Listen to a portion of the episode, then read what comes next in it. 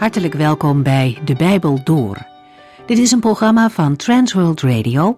U kunt ons ook vinden op internet www.transworldradio.nl. De Bijbel Door is een radioserie die in vijf jaar tijd door de hele Bijbel gaat. Van Genesis tot Openbaring, van kaft tot kaft.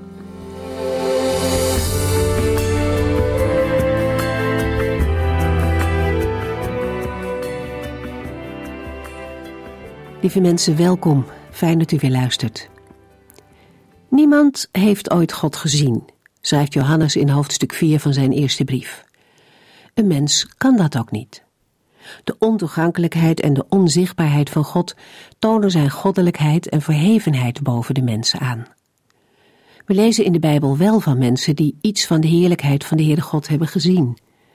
Jezaja bijvoorbeeld tijdens zijn roepingsvisioen maar geen van hen heeft de Heere echter in zijn volle heerlijkheid gezien. Het zien van God van aangezicht tot aangezicht is nog toekomstige werkelijkheid, maar het houdt niet in dat God zich niet wil laten kennen. Door de hele Bijbel heen zien we dat God moeite doet om in contact met mensen te leven. God kent ons en hij wil ook door ons gekend worden. In de Heer Jezus heeft de onzichtbare God duidelijk gemaakt hoe en wie Hij werkelijk is.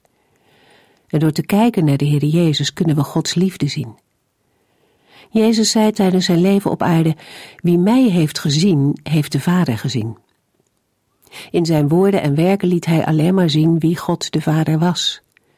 Voor velen was het niet duidelijk dat hij de beloofde Messias, de Zoon van God was. Hij leefde midden tussen de mensen en toch herkenden ze hem niet. Maar degenen die wel in hem geloven, die zien de liefde van God geopenbaard in de mens. Zij mogen God kennen. Als de Heer Jezus niet gekomen was, zouden we nooit ten volle hebben kunnen weten hoe groot Gods liefde is. Maar Hij is wel gekomen, en dankzij Hem mogen wij kinderen van de Allerhoogste zijn.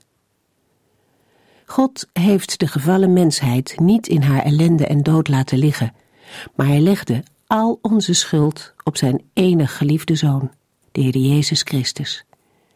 Door Hem is de weg naar God vrij voor iedereen die het wil geloven, voor iedereen die wil komen. Het is ook de enige weg naar God. Elke weg buiten Christus om brengt een mens niet bij de levende God. Johannes verbindt de liefde van God voor ons aan de onderlinge liefde van gelovigen. Daaraan zullen de mensen kunnen zien dat gelovige kinderen van God zijn en volgelingen van de Heer Jezus. We lezen nu verder in 1 Johannes, hoofdstuk 5.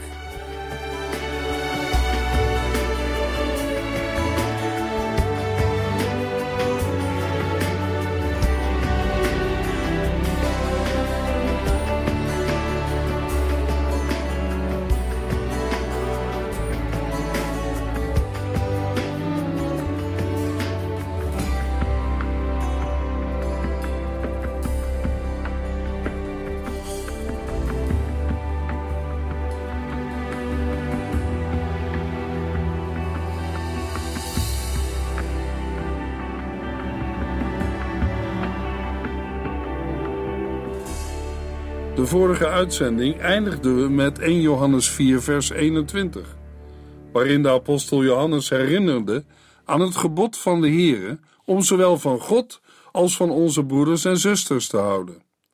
In 1 Johannes 5 wordt dat nu verder door Johannes uitgewerkt door het verband aan te geven tussen liefde, geloof en gehoorzaamheid aan de geboden. 1 Johannes 5, vers 1. Ieder die gelooft dat Jezus de Christus is, dat Hij Gods Zoon en onze Redder is, is een kind van God. En ieder die van de Vader houdt, houdt ook van diens kinderen.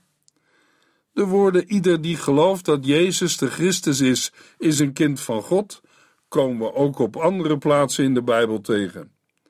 In Johannes 1, vers 12 en 13 lezen we: Maar allen die Hem wel aanvaard hebben en geloven in Zijn naam, heeft Hij het recht gegeven kinderen van God te worden. Zij worden opnieuw geboren, niet op natuurlijke wijze of vanuit menselijk verlangen of omdat een mens dat wil, maar ze zijn uit God geboren. In Johannes 3, vers 5 tot en met 7 zegt de Heer Jezus tegen Nicodemus, een fariseer en lid van de Hoge Raad: Toch is het zoals ik zeg.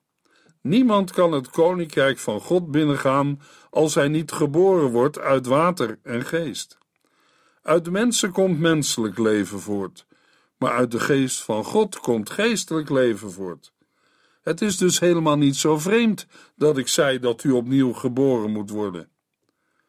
Verderop in Johannes 8, vers 42 tot en met 47 zegt de heiland tegen de Joden die in hem geloofden, maar niet begrepen wat hij bedoelde: Als God uw vader was, zou u van mij houden, want ik ben van God uit naar u toegekomen.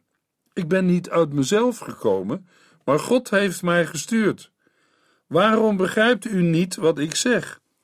Omdat u niet in staat bent mijn woorden aan te horen. U bent kinderen van de duivel en doet graag wat hij wil.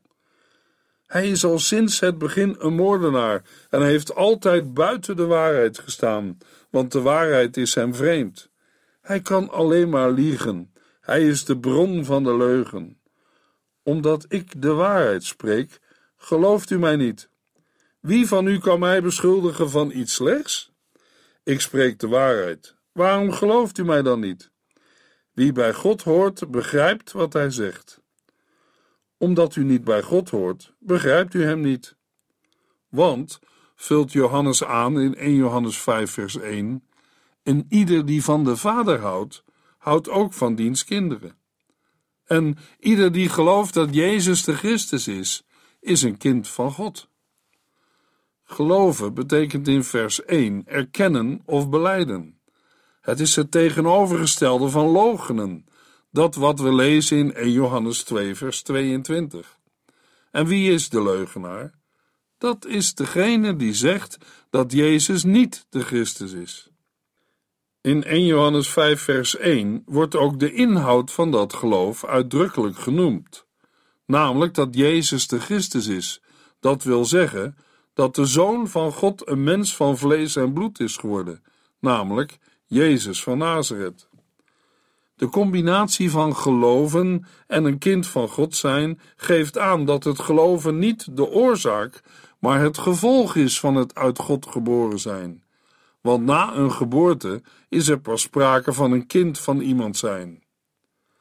Het geloof van de lezers is daarmee kenmerk van hun wedergeboorte, evenals hun liefde en het doen van rechtvaardigheid.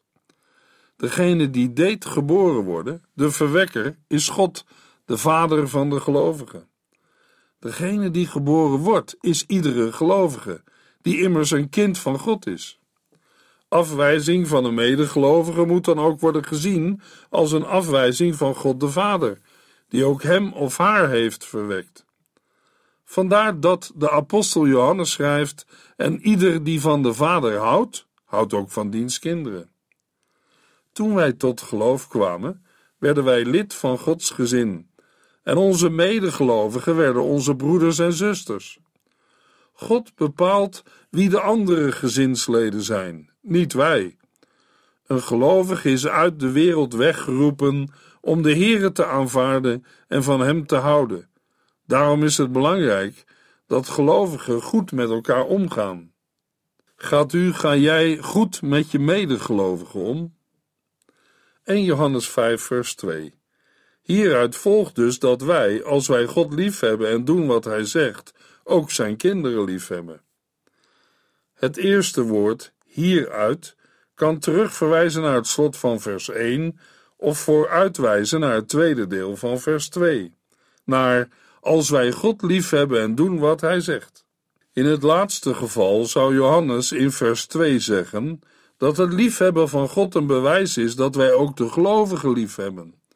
Een gedachte die op andere plaatsen in de Bijbel niet voorkomt. Daarom denk ik dat hieraan eerder terugverwijst naar vers 1. Dan zegt Johannes: Hieraan weten wij dat we de kinderen van God de Vader moeten liefhebben als wij God liefhebben. Maar het liefhebben van de broeders en zusters is geen voorwaarde, maar een toets als het gaat om het liefhebben van God. Volgens de apostel Johannes is het onmogelijk God lief te hebben zonder ook zijn kinderen lief te hebben. Kinderen van God zijn zij die binnen de liefdesrelatie van de vader en de zoon zijn gekomen. Liefde heeft als consequentie gehoorzaamheid. Dat betekent concreet leven vanuit Gods woord, zijn geboden bewaren en doen. In 1 Johannes 2, vers 3 tot en met 6 lazen we: Hoe kunnen wij er zeker van zijn dat wij bij hem horen? Als wij doen wat hij zegt. Als iemand zegt dat hij hem kent, maar niet doet wat hij zegt, is hij een leugenaar. Zo iemand doet de waarheid geweld aan. Maar wie doet wat God van hem vraagt, is vol van zijn liefde. Daaraan is te zien of u christen bent of niet. Ieder die zegt één te zijn met hem, moet leven zoals Jezus leefde. De Heer Jezus zelf zegt in Johannes 14, vers 15: Wie van mij houdt, zal altijd volgens mijn geboden leven. Die geboden kunnen we samenvatten met de woorden: God liefhebben bovenal en onze naaste als onszelf. Maar het betekent ook dat we praktiseren wat we in 1 Thessalonicense 5 vers 12 tot en met 24 lezen. Broeders en zusters, wij vragen u respect te hebben voor uw leiders die door de Here zijn aangewezen. Zij verrichten veel werk onder u en wijzen u terecht waar dat nodig is. Geef hun veel waardering en houd van hen, omdat zij zoveel voor u doen. Leef met elkaar in vrede. Vrienden, u moet de mensen die hun plicht verzaken heel ernstig waarschuwen. Help en steun hen die bang zijn, ook de zwakken. Heb geduld met iedereen. Let erop dat niemand kwaad met kwaad vergeldt, maar wees altijd goed voor elkaar en voor anderen. Wees ook altijd blij. Bid onophoudelijk. Wat er ook gebeurt, dank altijd God, want Hij wil dat u als christenen zo leeft. Verdrijf de Heilige Geest niet uit uw hart. Veracht niet wat namens God gezegd wordt. U moet alles wat gezegd en gedaan wordt op zijn echtheid beproeven en alles wat goed is vasthouden. Vermijd alles wat slecht is. Laat het zo zijn dat de God van de vrede u volledig voor zichzelf afzondert en dat uw hele wezen, geest, ziel en lichaam zuiver blijft tot de komst van onze Heer Jezus Christus. En Hij die u geroepen heeft, is trouw en zal doen wat Hij heeft beloofd. Ieder kind van God wil zich in de praktijk van zijn dagelijks leven inspannen om te doen wat de Heere zegt en vraagt. Mogelijk dat iemand vraagt: Lukt u dat altijd? Mijn eerlijke antwoord moet zijn: nee. Maar daarbij zijn voor mij de woorden van Johannes uit 1 Johannes 2 tot troost en steun. Ze wijzen mij de weg naar herstel. We lezen in 1 Johannes 2, vers 1 en 2: Kinderen, ik zeg dit om u van de zonde af te houden. Maar als iemand zondigt, hebben wij een rechtvaardige advocaat die ons verdedigt bij de Vader, Jezus Christus. Hij nam de straf voor onze zonde op zich en verzoende ons zo met God. Hij is het offer voor onze zonden, en niet alleen voor de onze, maar ook voor die van de hele wereld. 1 Johannes 5, vers 3. Want God liefhebben is doen wat Hij zegt, en dat is helemaal niet zo moeilijk. Echte liefde wordt zichtbaar in het doen van Gods wil, in het onderhouden van de geboden. En wat God wil is goed, aangenaam en volmaakt. Liefde is niet alleen een gevoel, maar is praktisch en leidt tot actie en daden.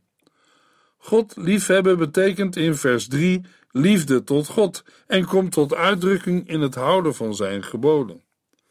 In Johannes 15, vers 21 zegt de Heer Jezus: Wie mijn geboden kent en zich eraan houdt, houdt van mij. Wie van mij houdt, zal ervaren dat mijn Vader ook van hem houdt. Ik zal van hem houden en hem duidelijk laten zien wie ik ben. In het doen van wat God zegt, wordt Hij, die liefde is, oprecht geëerd en verheerlijkt. Voor de woorden doen wat Hij zegt staat in het Grieks dat wij zijn geboden bewaren. In het woordje bewaren spelen verschillende nuances een rol, onderhouden, namelijk naleven, doen, gehoorzamen, in acht nemen. De geboden van God zijn, in tegenstelling met die van de Bijbelgeleerden en Fariseeën, niet zwaar. Dat wil zeggen, ze zijn geen knellend juk of een ondraaglijke zware last. Dat wil niet zeggen dat het allemaal wel meevalt. De Heere vraagt veel van gelovigen. De heiland zei tegen de Bijbelgeleerden en Fariseeën in Matthäus 23, vers 23: Het ziet er voor u slecht uit. Huigelaars, u geeft 10% van wat u heeft aan munt en andere kruiden aan de tempel. Maar waar het op aankomt, goedheid, medelijden en trouw, daar houdt u zich niet mee bezig. U moet het ene doen en het andere niet nalaten. Volgens Leviticus 27 en Deuteronomium 14 moesten de Israëlieten tiende betalen over de bodemopbrengsten zoals koren, olie, most en vruchten, als ook over het vee. Maar de Fariseeën hadden dit gebod in hun ijver uitgebreid tot de kleinste veldvruchten en tuinkruiden, zoals munt, dille en komijn. In het Oude Testament lezen we dat de tiende betaald moesten worden voor het levensonderhoud van priesters, levieten en de armen. De Heer Jezus bekritiseert dan ook niet het geven van tiende op zichzelf. De heiland zegt in Matthäus 23: U moet het ene doen en het andere niet nalaten. Jezus bekritiseert de overdreven stiptheid in kleine dingen als tiende van tuinkruiden, terwijl het belangrijkste van de wet, het liefhebben van de naaste, in gerechtigheid, barmhartigheid en trouw werd verwaarloosd. 1 Johannes 5, vers 4. Elk kind van God kan de wereld overwinnen door op Hem te vertrouwen. De geboden bewaren en doen, of gehoorzaamheid, betekent betrokken worden bij de overwinning die de Heer Jezus Christus heeft behaald. Deze gehoorzaamheid, vertrouwen op de Heer Jezus Christus, is uiting van het geloof. De apostel Paulus schrijft in Romeinen 1 vers 5 Jezus Christus heeft mij de genade gegeven en tot apostel gemaakt om mensen van alle volken op te roepen God te gehoorzamen en in Jezus Christus te geloven. En aan het slot van de Romeinenbrief schrijft Paulus in Romeinen 16 vers 26 In de boeken van de profeten werd er al over gesproken. Maar nu heeft de eeuwige God opdracht gegeven dat alle volken het moeten horen, opdat ze hem gaan gehoorzamen en vertrouwen. Alleen God is wijs en verstandig. Aan hem komt alle eer toe, door Jezus Christus, voor altijd en eeuwig. Amen. Als Johannes schrijft: Elk kind van God kan de wereld overwinnen, dan is het woordje elk persoonlijk bedoeld. Dat wil zeggen, het gaat om mensen, namelijk ieder die uit God geboren is. Bij het woord overwinnen gaat het om de overwinning die de Heer Jezus Christus eens en voor altijd heeft behaald door zijn dood en opstanding.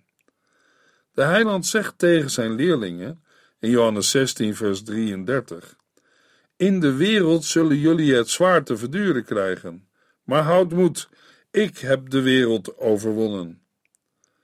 Johannes 16, vers 33, hebben we te maken met het laatste woord dat de Heer Jezus die avond ten afscheid tot zijn leerlingen sprak. De woorden herinneren sterk aan die uit Johannes 14, vers 27. Daar staat vrede tegenover verdrukking. Dat laatste staat de leerlingen in de wereld te wachten. Daarmee doelde Jezus op de haat en de vervolgingen waarover hij het die avond al eerder had. Met het gebruik van de tegenwoordige tijd wil de heiland aangeven dat zijn leerlingen daar steeds weer mee te maken zullen krijgen. Maar daar staat tegenover dat zij door de geloofsgemeenschap met hem vrede en blijdschap zullen kennen. Onder alles wat de wereld, de volgelingen van Jezus, om hem zal aandoen, zullen zij bij Jezus in de diepe zin van het woord geborgenheid vinden. Het is dan ook zaak dat zijn volgelingen vol goede moed zijn. En daar was te meer reden toe, want Jezus Christus had de wereld al overwonnen. Jezus' zin speelde daarmee op bepaalde uitspraken die hij die avond al eerder deed. En zoals zij zouden delen in de haat van de wereld tegen hem, zo zouden zij ook delen in zijn overwinning over de wereld. In Colossense 2, vers 14 en 15 lezen we: Hij heeft ons strafblad dat tegen ons getuigde verscheurd, de lijst met regels waaraan we ons niet hebben gehouden. Dat bewijs heeft hij vernietigd door het aan het kruis te slaan. Op die manier heeft God zich ontdaan van alle heersers en machten. Hij heeft hen in het openbaar te kijk gezet en daarmee laten zien dat zij door het kruis van Christus overwonnen en verslagen zijn. In die overwinning zijn de gelovigen juist door het geloof betrokken geraakt. We lezen in Romeinen 8, vers 37, maar onder al die omstandigheden hebben wij, dankzij Hem die zoveel van ons houdt, de overwinning. En in 1 Corinthians 15, vers 57 en 58 lezen we: Maar God zij dank, Hij geeft ons door onze Heer Jezus Christus de overwinning over de zonde en de dood. Dus, beste vrienden, sta vast en wees onverzettelijk. Blijf actief voor de Heer. U weet toch dat het werk dat u onder Zijn leiding doet niet voor niets is. Johannes schrijft in 1 Johannes 5, vers 4: Elk kind van God kan de wereld overwinnen door op Hem te vertrouwen. Sinds zij tot geloof gekomen zijn, hebben ook de gelovigen in Christus overwonnen. De wereld houdt hierin de duivel, de zondige begeerte en de leer van de tegenstanders, de dwaalleraars. Het woord vertrouwen is synoniem met het woord geloven. Het betekent in vers 4 zowel het aanvaarden van de waarheid aangaande Jezus Christus, als ook een geloofsverbondenheid met God. In de Griekse tekst van vers 5 lezen we aan het slot: Want al wat uit God geboren is, overwint de wereld. En dit is de overwinning die de wereld overwonnen heeft: ons geloof. Met de woorden ons geloof schaart Johannes zich in de rij van de overwinnende gelovigen. En de Bijbel laat ons onder andere in Hebreeën 11 zien wat het geloof door de eeuwen heen heeft bewerkt. In Hebreeën 11, vers 3 tot en met 13 lezen we: Door het geloof weten wij dat het heelal door een woord van God gemaakt is, dat het zichtbare uit het onzichtbare is voortgekomen. Omdat Abel op God vertrouwde, had zijn offer meer waarde dan dat van Kain. Door zijn offer aan te nemen, zei God dat Abel voor hem rechtvaardig was. En hoewel hij al lang dood is, spreekt Abel nog steeds door zijn voorbeeld. Henoch vertrouwde op God, en daarom stierf hij niet, maar werd hij door God weggenomen. Ineens was hij er niet meer. Voordat dit gebeurde had God gezegd dat hij heel tevreden over Henoch was. Maar als iemand niet gelooft, kan God niet tevreden over hem zijn. Wie tot God komt, moet geloven dat hij bestaat en dat hij beloont wie hem zoeken. Noach vertrouwde op God. Toen God hem voor de toekomst waarschuwde, geloofde Noach hem, hoewel niets erop wees dat er een grote overstroming zou komen. Hij deed wat God hem opdroeg en bouwde een ark om zijn gezin te redden. Zijn vertrouwen maakte het ongeloof van de wereld zichtbaar, en door dat vertrouwen werd hij een van hen die voor God rechtvaardig zijn. Abraham vertrouwde op God. Toen God hem zei dat hij zijn vaderland moest verlaten en naar een land moest gaan dat God hem zou geven, gehoorzaamde hij. Maar hij wist niet eens waar hij naartoe ging. En zelfs toen hij in het land kwam dat God hem beloofd had, woonde hij in tenten als een vreemdeling, evenals Isaac en Jacob, aan wie God dezelfde belofte deed. Abraham vertrouwde erop dat God hem zou brengen in de stad met de vaste fundering, waarvan God zelf de architect en bouwer is. Sarah vertrouwde op God en kreeg daarom een zoon, toen zij daar eigenlijk al te oud voor was. God had het haar beloofd en zij erkende dat hij te vertrouwen is. Zo werd uit Abraham, die ook al te oud was om nog een kind te kunnen verwekken, een heel volk geboren. Een volk van zoveel mensen dat het niet te tellen is. Net zoals de sterren aan de hemel en de zandkorrels van het strand niet te tellen zijn. Al deze mensen zijn in het vertrouwen op God gestorven, zonder te krijgen wat hun beloofd was. Zij hebben het alleen uit de verte gezien en waren blij. Zij kwamen er openlijk vooruit dat ze hier op aarde alleen maar gasten en vreemdelingen waren. En in vers 22 tot en met 25 lezen we verder. Omdat Jozef op God vertrouwde, heeft hij aan het einde van zijn leven gezegd dat de Israëlieten eens uit Egypte zouden wegtrekken. Hij was daar zo zeker van dat hij hem plechtig liet beloven zijn beenderen uit Egypte te zullen meenemen.